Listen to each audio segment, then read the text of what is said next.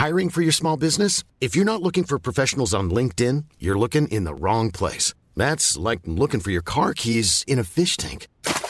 LinkedIn helps you hire professionals you can't find anywhere else, even those who aren't actively searching for a new job but might be open to the perfect role. In a given month, over 70% of LinkedIn users don't even visit other leading job sites. So start looking in the right place. With LinkedIn, you can hire professionals like a professional. Post your free job on linkedin.com slash people today.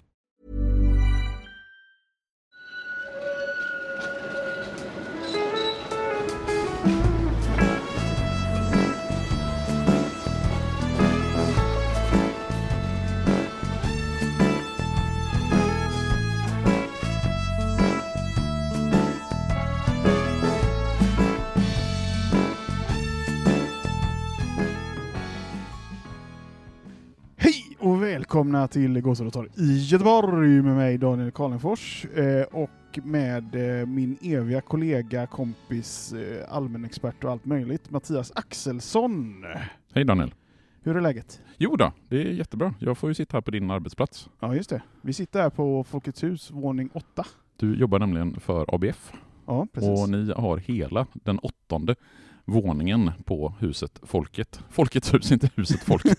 Folkets hus, alltså den lilla byggnaden numera på Olof Palmes plats. Som förut var den högsta byggnaden Ja, på Olof Men Palmes tittar man plats. ut här genom fönstret i vad jag gissar är ert personalrum Ja, så ser man ju den här gigantiska byggnaden bredvid som vi ska återkomma till i slutet ja. av dagens avsnitt. Och tittar man Precis. neråt däremot, då ser man den plats som vi ska prata om idag.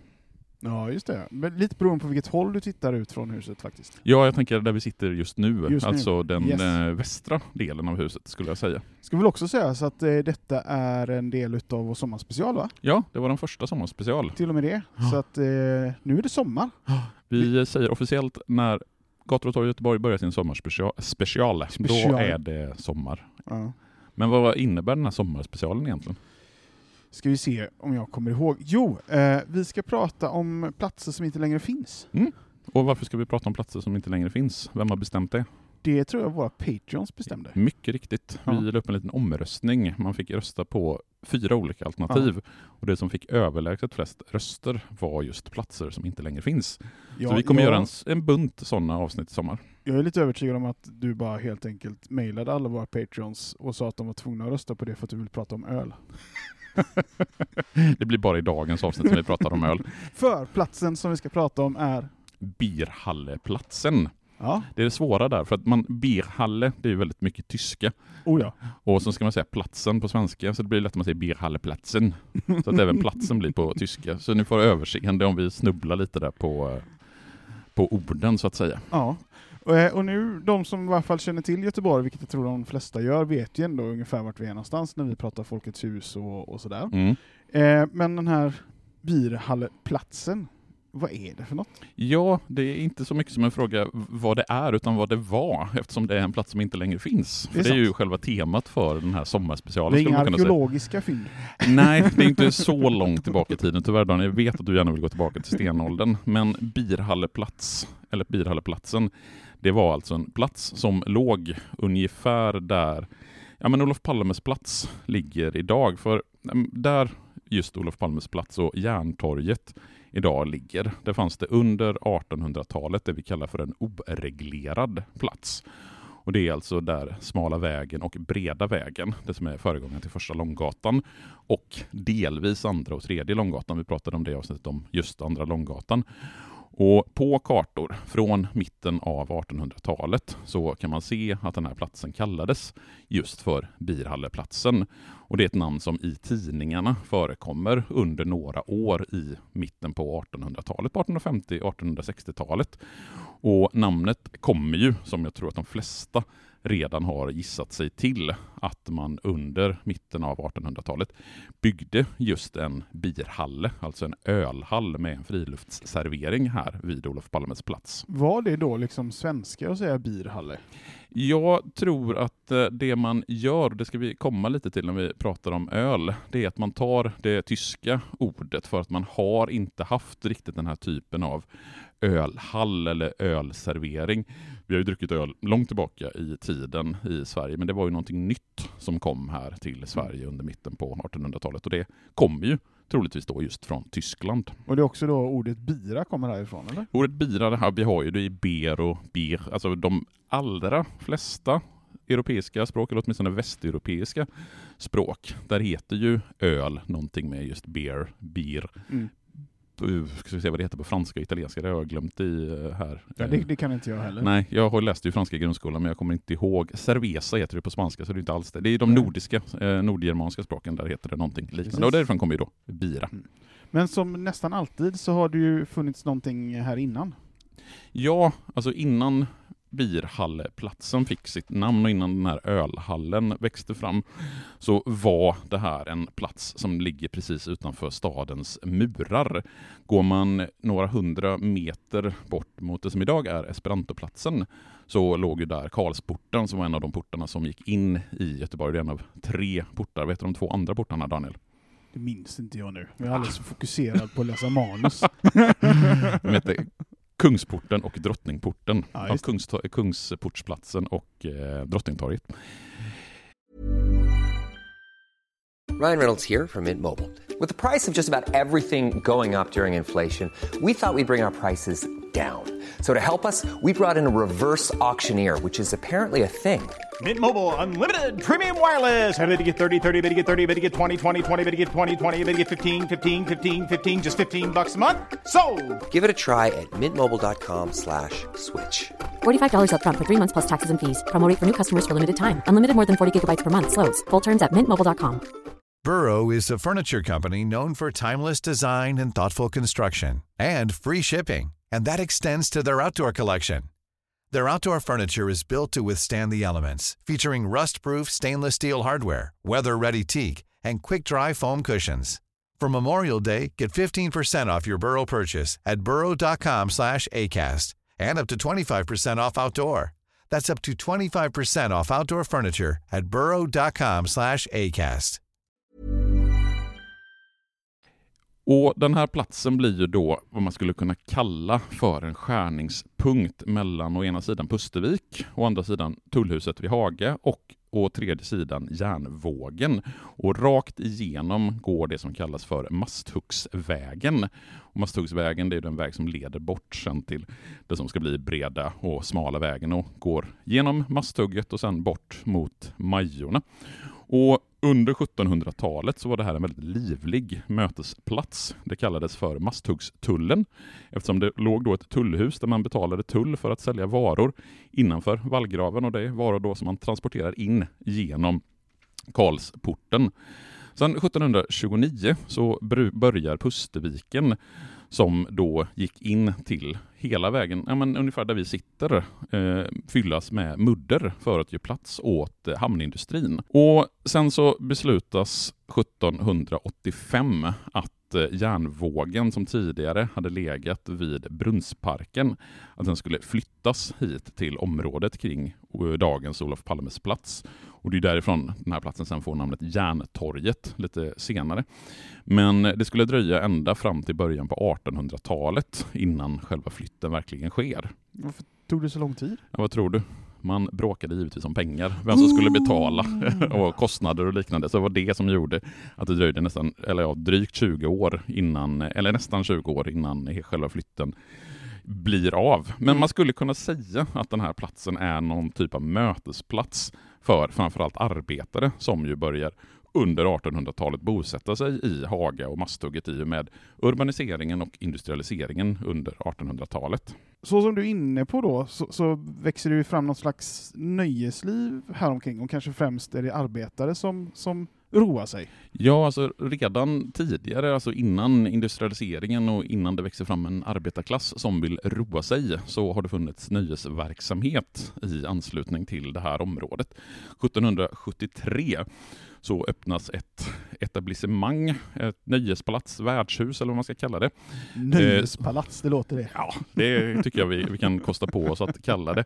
Och då är vi väster om Järntorget, alltså bort mot Masthuggstorget, mot Första Långgatan. Och jag är alltid lite osäker på när det kommer till uttal av det här namnet. Vauxhall skulle jag uttala det. Ni får rätta mig och slå mig på fingrarna, ni som lyssnar på det här, om det är så att jag uttalar Vauxhall fel. Men det är då ett eh, nöjespalats, ett värdshus. Och, men då är det framförallt för överklassen. Det är de som i huvudsak går till det här nöjesetablissemanget. Och då är det en större trädgård och en dans och konsertsal som finns här. Sen i början på 1800-talet så arrenderar en Jakob Wimnell en trädgård på en närliggande tomt där han börjar odla potatis. Och närheten till järnvågen gör att de här odlingarna kallas för järnvägs, järnvågsträdgården och de är i bruk fram till 1842. Och sen så ska det dröja ett par år innan Viktor von Gegerfeldt tar över arrendet för den här tomten och för järnvägs järnvåg, det är svårt, det är svårt att säga järnvåg, jag vill gärna säga järnväg, men järnvågsträdgården. Och han blir senare Göteborgs stadsarkitekt och bland annat den som ritar Fiskekyrka. Alltså stadsarkitekter. Jag vet ju att du kan kungalängden. Mm. Borde inte vi göra en typ en stadsarkitektslängd för Göteborg?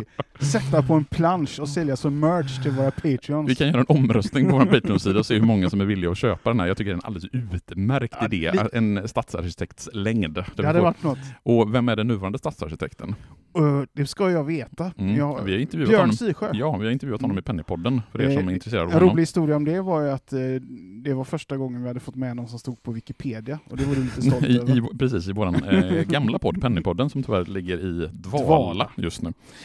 Men Viktor von Gegerfeldt, alltså Björn Sirsjös direkta företrädare, han uppför på den här tomten, Järnvågsträdgården, en restaurangbyggnad som får namnet då Birhalle. Och Birhalle har beskrivits som ett café med kägelbana, som ett Liseberg i minia- miniatyr med bland annat karuseller och dresserade djur som isbjörnar och tigrar. Och det här är då beskrivningar som jag har läst. För tyvärr så har inte jag åtminstone hittat några fotografier eller några bilder. Har du hittat några roliga bilder vi kan lägga upp på Ja, vi kommer ju få lägga upp eh, bilder på kartor och på bilder på Ja. hur den här platsen sedan utvecklas under senare delen av 1800-talet. För Mm. den här ölträdgården eller ölhallen, den finns ju bara under något decennium, något årtionde där i mitten på 1800-talet. Och som sagt, vad jag har hittat när jag tittat i Göteborgs stadsmuseums databas för fotografier och liknande så finns det inga fotografier av platsen. Men är det någon, återigen lyssnare, som har någon, någon fotografi eller något liknande Mm. så får ni jättegärna höra av er till podden. Eller om någon var med när det begav sig. Det har jag svårt att tänka mig Daniel, men visst om det är någon där som gick på den här ölhallen i mitten på 1800-talet så skicka gärna ett mejl. Man vet aldrig. Men i, eller på den här birhallen så serveras bland annat öl och kaffe och bröd och enligt olika uppgifter så ska det här vara det första stället i Göteborg åtminstone som det har serverats tyskt öl. Och nu kommer vi in på ett annat av dina intressen, öl. Mm. Så nu tror jag att du har en lång beskrivning här om vad det är. Vad, vad, är, vad är tyskt öl? Vad roligt att du frågar Daniel. Eh, nu är det jag som har skrivit frågan till dig, men, eh, men ändå. Vi har ju varit inne och berört det här med öl tidigare. Vi gjorde det både i avsnittet om Klippan, men också i avsnittet om Odinsgatan var det va? När vi pratade om Prips. Just det.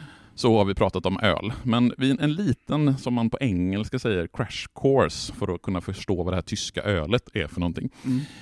Öl, det har ju fyra huvudingredienser. Det är malt, det är humle, det är jäst och det är vatten. Eh, och det som skiljer, man kan i huvudsak prata om två huvudsakliga öltyper. Och det är underjäst och det är överjäst öl och det beror på vilken temperatur man jäser ölet vid. Underjäst, då kalljäser man det vid en kallare temperatur och överjäst, då jäser man det på högre temperaturer. Och det överjästa ölet, det är det absolut vanligaste ölet historiskt.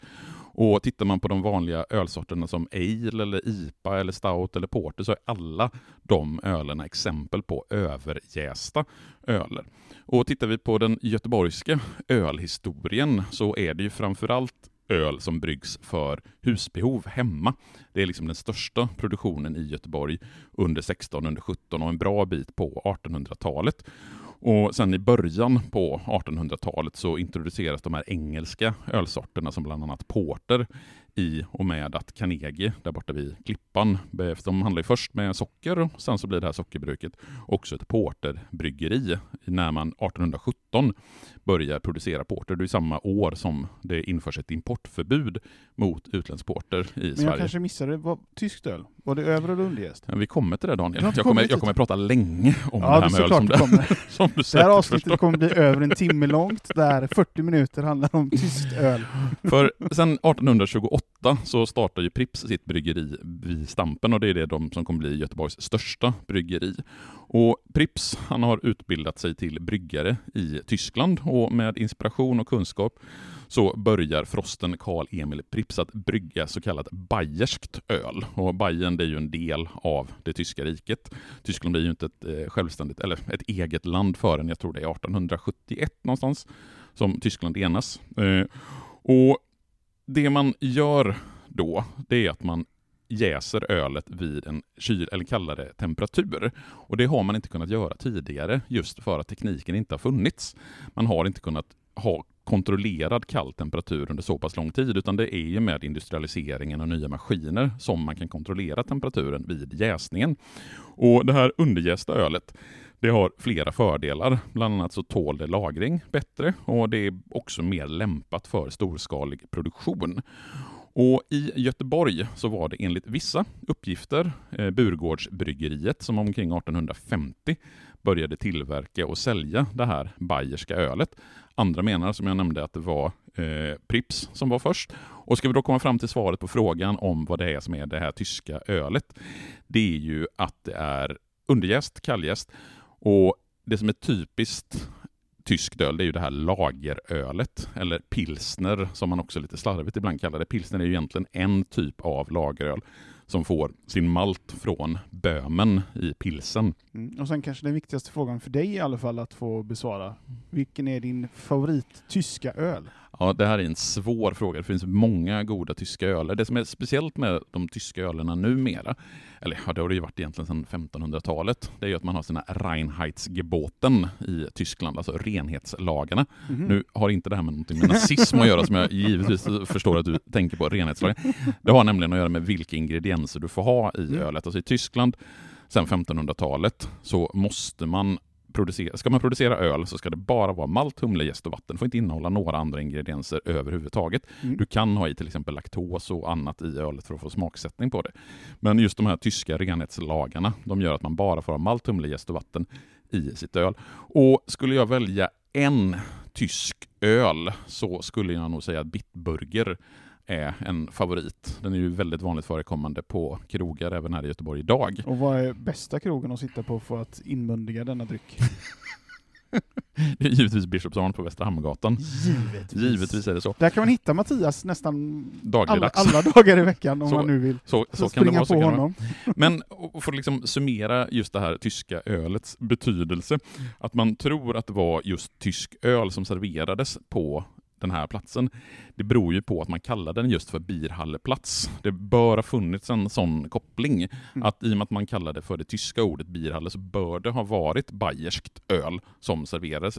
I och med att det är i mitten på 1800-talet så finns ju inte Tyskland rent tekniskt ännu Nej. som, som självständigt. Som bayerskt öl, Bierhalle, förmodligen så serverades det då tyskt öl för första gången i Sverige här. Det låter rimligt.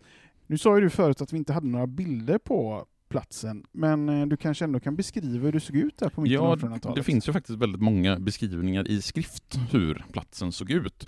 Och ska man titta på dem, det är ju i tidningar och i olika biografier och böcker och liknande, så har man skrivit ner hur platsen såg ut. Och runt själva järnvågsområdet så fanns det ett väldigt rött plank med en gallerport ut mot det som sen skulle bli Första Långgatan. Och i mitten av det här planket, alltså där Olof Palmes plats ligger idag, så fanns det en restaurangbyggnad som kallades då för Birhalle. Och både inne i själva huset och i trädgården i anslutning till restaurangen så serverade man kaffe och öl och bröd. Man har som jag nämnde beskrivit det som en, ett Liseberg i miniatyr. Liseberg ska ju inte komma förrän ytterligare mm, ett par decennier Så efter. detta är proto-Liseberg? Man kan säga att det är ett för-Liseberg definitivt. Och det som fanns då, som gör att man kallade för ett Liseberg i miniatyr, det var dels att det var en kägelbana, en karusell enligt den här pariserkonstruktionen, pariserhjul. Det fanns tält för luftbösseskytte och så vidare. Dock, liksom det ofta är när det blir den här typen av nöjesliv, så utlöste det ganska stora protester. Bland annat så skrev GP under mitten på 1800-talet att platsen citat utövade en fördärvlig inverkan, särskilt på de arbetande klasserna, genom det vilda leverne som fördes där.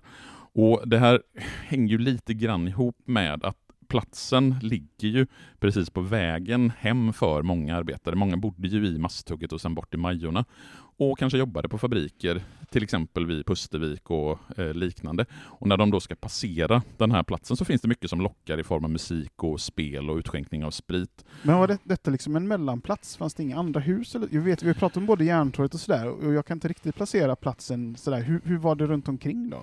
Ja, alltså i Masthugget och bort mot Majorna så fanns det ju, och sen även Haga ska vi inte glömma bort i sammanhanget. Mm. Det var ju den här oreglerade bebyggelsen av Mm. mindre arbetarbostäder. Och jag nämnde i början att det här var en oreglerad plats. Jag Mm. tror inte jag förklarade ordet riktigt.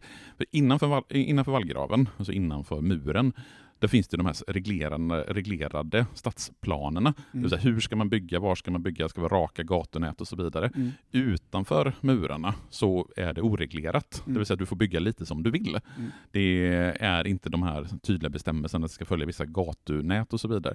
Och just den här platsen då utanför muren är då en oreglerad plats. Det finns lite olika. Det finns järnvågen innanför den här, det här bruna Så det, är, röda så det är egentligen inte som ofta idag, att det är boende som klagar, utan det är lite mer på en moralisk nivå, lite Ja, ovanför och- nivå. Ja, och det, här, alltså, det är en viktig sak att, att ha med sig. Att den, den här kritiken skulle ju förmodligen inte ha lyfts om det har varit människor från andra klasser som hade förlustat sig och haft nöjesliv, utan det är just den här moraliska aspekten. Mm. Att man tänker, men arbetarna ska inte. Och det är givetvis så att det fanns ju stora problem med till exempel att familjeförsörjare söp upp hela lönen som de hade fått och innan de kom hem.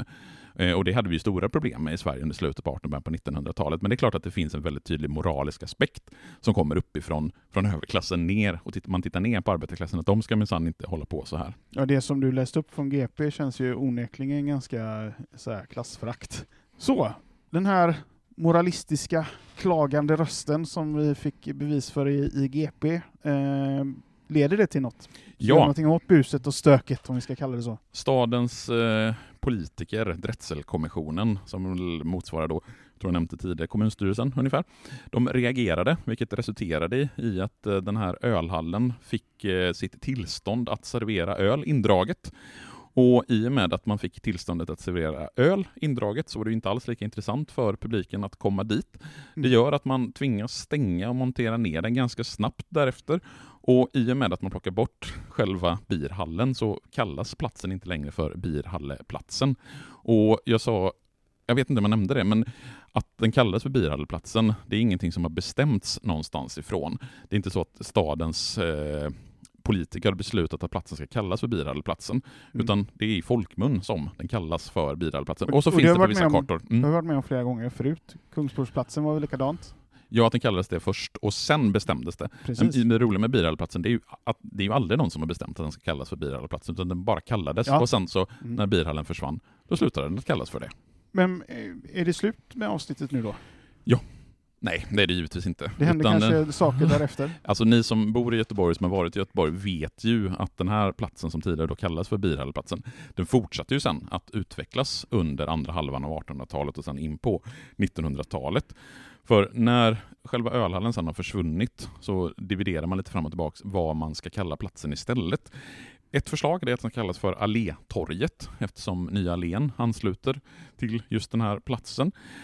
Torget kallas också i folkmun, jag vet inte om det någonsin blir officiellt nedskrivet, bland annat Möbeltorget och Trätorget i slutet av 1800-talet eftersom då torget det var en saluplats för möbler och bearbetade trävaror. Det fanns en mängd små affärer, enklare träskjul med butik, butiksfasader, alltså precis nedanför här där ABF-huset ligger idag. Under 1900-talet så sker det två stora bränder i de träskjul som låg här. 1935 så förstörs en möbelaffär och träverkstäderna. Och den 6 augusti 1947 så brinner också området ner. Redan före den här branden 1935 så hade träkåkarna vid Järntorget varit uppe för i diskussion i kommunfullmäktige och de kallas bland annat för en skam för Göteborg. Jag kan inte hjälpa att känna att historien lite upprepar sig. Det är ju inte varken första eller sista gången man använder den typen av retorik. Nej, och de kommer, eller den retoriken kommer ju ofta från olika håll. I det här fallet så var retoriken framförallt från socialdemokratin. Och den socialdemokratiska politikern Ernst Jungen skrev i sina memoarer om den här branden. När elden flammade och röken bolmade färgades himlen över hamnen och älvmynningen intensivt röd. Jag kände en egendomlig tillfredsställelse. Där fanns inga bostäder. Och det skriver ju inte Jungen för att han var pyroman på något sätt, utan det fanns ju djupt rotat hos många socialdemokrater en idé om att de här gamla slitna arbetarbostäderna skulle bort och att man skulle bygga mm. nytt. Så efter den sista branden 1947 så började man bygga det som fem år senare skulle invigas av Tage Erlander och som kallades ett hy det hypermoderna huset som hade skräddarsydda salar för folkbildning och utställningar. Är det då det huset vi sitter i nu? Det är precis det huset i åtta våningar som vi sitter i idag, nämligen Folkets hus. Och när man bygger Folkets hus så river man ganska snart övrig bebyggelse i kvarteret. Och norr om och öster om Folkets hus så omvandlas de här områdena till gator och parkeringar. Härifrån har vi däremot ganska mycket bilder, alltså från det nybyggda Folkets hus och de omkringliggande små byggnader som finns precis innan man river dem då på 1950-1960-talet. Jag kommer även bidra med en bild från ett av eh, salarna som finns inne i detta huset. Som ja, är trevligt. fantastiskt. Trevligt, det ska vi, ser vi fram emot på vårt mm. Instagram, Gator och torg i Göteborg. Men idag eh, så förknippar man ju, vi har haft ett avsnitt om Järntorget. Ja. Och typ precis bredvid Järntorget, som man ändå ser som Järntorget, finns ju då egentligen det som jag pratat om, Olof Palmes plats. Eh, så det är liksom två platser i en på något sätt. Men hur kommer det sig att den här delen får ett annat namn? Det beror ju på att statsminister Olof Palme mördas den 28 februari 1986. Och väldigt snabbt därefter, det är ju bara vad blir det, fyra månader senare, så bestämmer man i Göteborgs stad att den här delen av Järntorget, för det här var ju från början en del av Järntorget, den norra delen då precis nedanför Folkets hus, att den ska kallas för Olof Palmes plats, som en hyllning givetvis då till den mördade statsministern Olof Palme. Och samma år i september så reser man en av många statyer som finns på Olof Palmes plats. Och det är den som heter Genom arbete i arbete. Och det är den som har tre personer arbetade uppe på sig. Och sen i själva granitsocken så finns tre stycken bilder med motiv.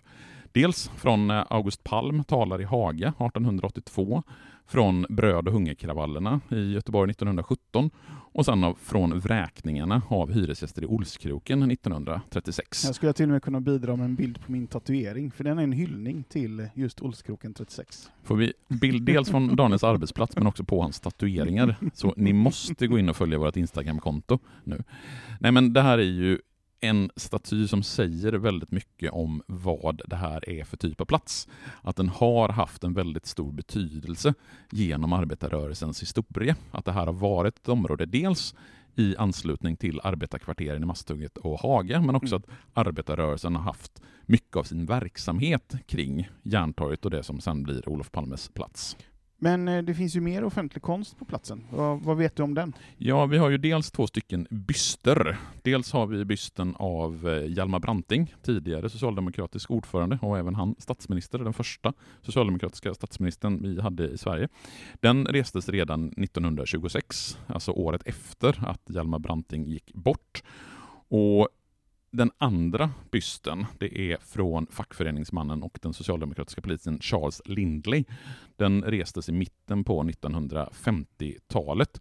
Och sen den fjärde och, som jag kan komma på nu, sista statyn som vi har på Olof Palmes plats, det är den här järnbärarbronskulpturen som utfördes av Sven Lundqvist och kom på plats 1966. Och det är ju givetvis som ett minne av den arbetarklass eller det yrke som var vanligt just i anslutning till järnvågen, där man vägde järn. Det finns det mycket mer om i just avsnittet om Järntorget. Just det. Och sen verkar det inte hända så himla mycket först förrän på 00-talet. Nej, alltså tittar man på hur Olof Palmes plats förändras under slutet på 80 och sen in på 90-talet så händer det inte jättemycket. Men när vi kommer sen in på 00-talet så händer det desto mer. Bland annat så river man en kiosk som har stått på platsen. Den ska ha rivits 2001. Har du något minne av den kiosken? Nej, inte. Har så, du det? Nej, jag har inte heller. Nu bodde, flyttade jag till Göteborg 1998, så det Ja. var ju bara några år där som eh, jag bodde i Göteborg. Jag har däremot tittat på flygfotografier Mm. över Olof Palmes plats som är från jag tror det är från 2000, så året innan det revs. Så där Mm. kan man se att det möjligtvis finns en kiosk. Dock ska jag det- säga att jag flyttade från Göteborg 99 och kom tillbaks först eh, 2007. Nej, men då ska den här kiosken i så fall ha legat i det sydöstra hörnet Mm. av Olof Palmes plats. Och jag har efterlyst fotografier på den här kiosken, men är det någon som har fotografier eller bilder på den här kiosken så får ni jättegärna skicka, för varken jag eller Daniel kan minnas att det stått en kiosk där. Men Nej. det finns i skriftliga belägg åtminstone på att kiosken ska ha funnits där i sydöstra hörnet av Mm. Olof Palmes plats. Och sen under 2010-talet så bygger man den här konstgräsmattan, en studsmatta, de här runda röda sittmöblerna.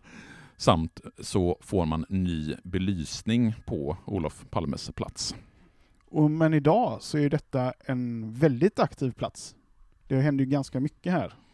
Vill du prata någonting om allt nytt? Jag tänker att det absolut viktigaste nya tillskottet i anslutning till Olof Palmes plats, det är ju det här höga, höga, höga huset som jag faktiskt sitter och tittar på just nu när jag tittar ut genom fönstret från personalmatsalen här på ABF på åttonde våningen. Och man tyckte ju precis som du sa någonstans in i avsnittet att när det här huset byggdes så kändes det som ett väldigt högt hus. Mm. Och det har känts som ett ganska högt hus under väldigt, väldigt många år. Mm. Men när Nordic, eh, vad heter det? Hotell Draken heter det va? Ja. Huset som då ska vara 100 meter plus. Mm. Och jag har hört, och jag har nog även sagt det i podden tidigare, jag har tyvärr inte lyckats bekräfta det någonstans, men anledningen till att det här hotellet är 100 meter plus, Mm. det är för att det ska bli då Göteborgs högsta hotell. Det har du fått från mig. Är det du som har påstått det? Ja, och typiskt. jag har fått det någon annanstans ifrån. Så vi har ingen egentlig källa Vi på får det. mäta. tyvärr. Ja. Jag, jag, skulle, jag är nog ganska säker på att det är 100 meter plus, men Mm. om just orsaken är att man ville vara högre än Gothia Towers, det vet jag inte. Ja, någonstans har jag ett mail där det står hur högt det är och jag tror det är 102 meter. Mm. Problemet blir ju att eh, Karlatornet som ligger här på andra sidan älven kommer att bli betydligt högre. Det är Ja. å andra sidan inte ett rent hotell, Nej. så att jag vet inte om Hotell Draken kommer fortsätta hävda att de är Göteborgs högsta hotell.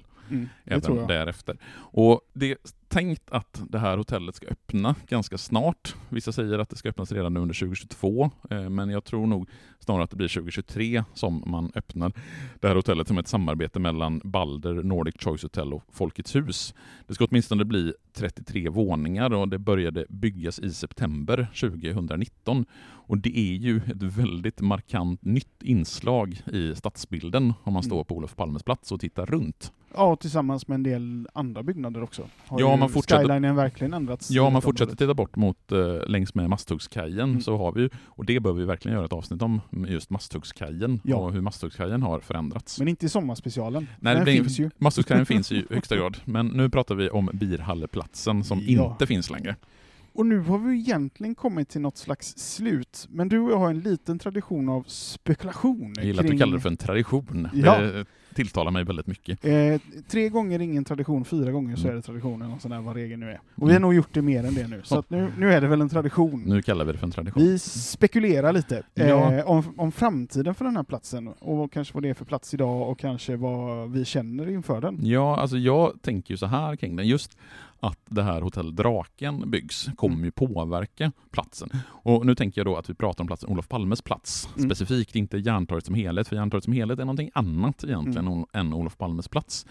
Och fram till att man byggde om Olof Palmes plats, det vill säga när man la, eh, gjorde de här studsmattorna och konstgräsplanen och de här olika delarna, så var det ju en ganska död yta. Nu känns det åtminstone som att ytan är något mer levande än vad den har varit tidigare. Mm. Men för att en plats ska bli levande så krävs det i första hand att det är människor som rör sig där. Alltså ändå den naturliga platsen att vara på här det är ju inte Olof Palmes plats, utan det har varit Järntorget. Men nu får vi in hotellet här Mm. också, så det kommer öka trafiken markant, Mm. tänker jag mig, med människor. Mm. Och jag, precis, jag tror just att hotellets flöde av människor till och från kommer göra att Olof Palmes plats kommer att känn- kännas som en mer levande plats. Så många mer taxibilar. Ja, del, ja men dels det, men sen har vi också det här, eh, vad heter den restaurangen som ligger här nere på hörnet? Folkan? Något sånt? Ja, något sånt. Så, som också gör att det finns lite liv och rörelse. Men, men just flödet av människor kommer göra platsen mer levande, Mm. hoppas jag. För varje plats, eh, man vill att platser ska vara levande, då blir de roligare oftast. Sen gillar jag ju utvecklingen eh, eh, generellt i hela området. Jag tycker väldigt mycket om Draken, jag tycker om de nya husen och att man vill liksom Bygga högt. eh, bygga högt, det gillar jag. Eh, och sen är det ju, för mig blir det väldigt mycket förknippat med att åka till jobbet, men, men ja, och på sommaren är ju, men det blir mycket det här, Järntorget har hög fokus här. Mm. Det är verkligen platsen som ändå, Ja, och, på? och, och Järntorget är ju en kanske av de viktigaste platserna i Göteborg när det kommer till nöjesliv. Eftersom du har anslutningen dels till Linnégatan, dels till Andra Långgatan, men också i viss mån till Haga. Även om Haga inte är något stort nöjescentrum så är det mycket med turism och liknande i Haga. Och Mm. det finns mycket trevliga butiker. Är det någon speciell butik i Haga som du vill, vill säga någonting om? Det finns en väldigt speciell butik för mig som heter Somenid. Eh, Som ligger ligger på- på, Kaponjärsgatan 4, där vi även har ett avsnitt om Linné, Om Haga? eh, om Haga, förlåt, såklart, eh, i den butiken. Mm. Så gå gärna dit och eh, handla lite snygg merch. Ja, för där sitter Elin Andersson och eh, gör allting. Mm. Och, eh, Jättesnygga Göteborgsmotiv som eh, är roliga. bland annat. Ja, det är framförallt de jag vill pusha för i den här podden, just Göteborgsmotiv. Det finns annat kul där också. Ja. Men nu känner jag att vi bara babblar. Vi, nu ska vi släppa våra lyssnare ut på eh, grönbete tänkte jag säga, men ut i den härliga göteborgska sommaren. Men man får jag. gärna kanske dela med sig vad man själv tycker om platsen. Mm.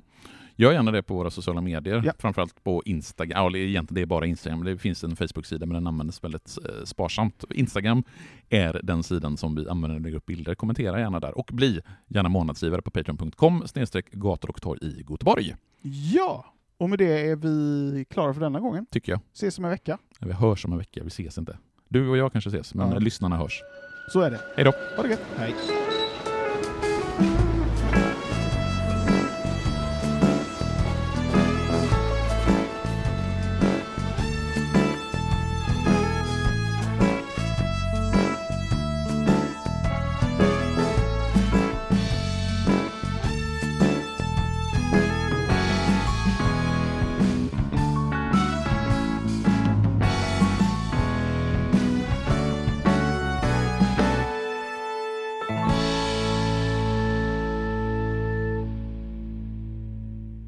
Gator och torg i Göteborg produceras av Reostat Media AB.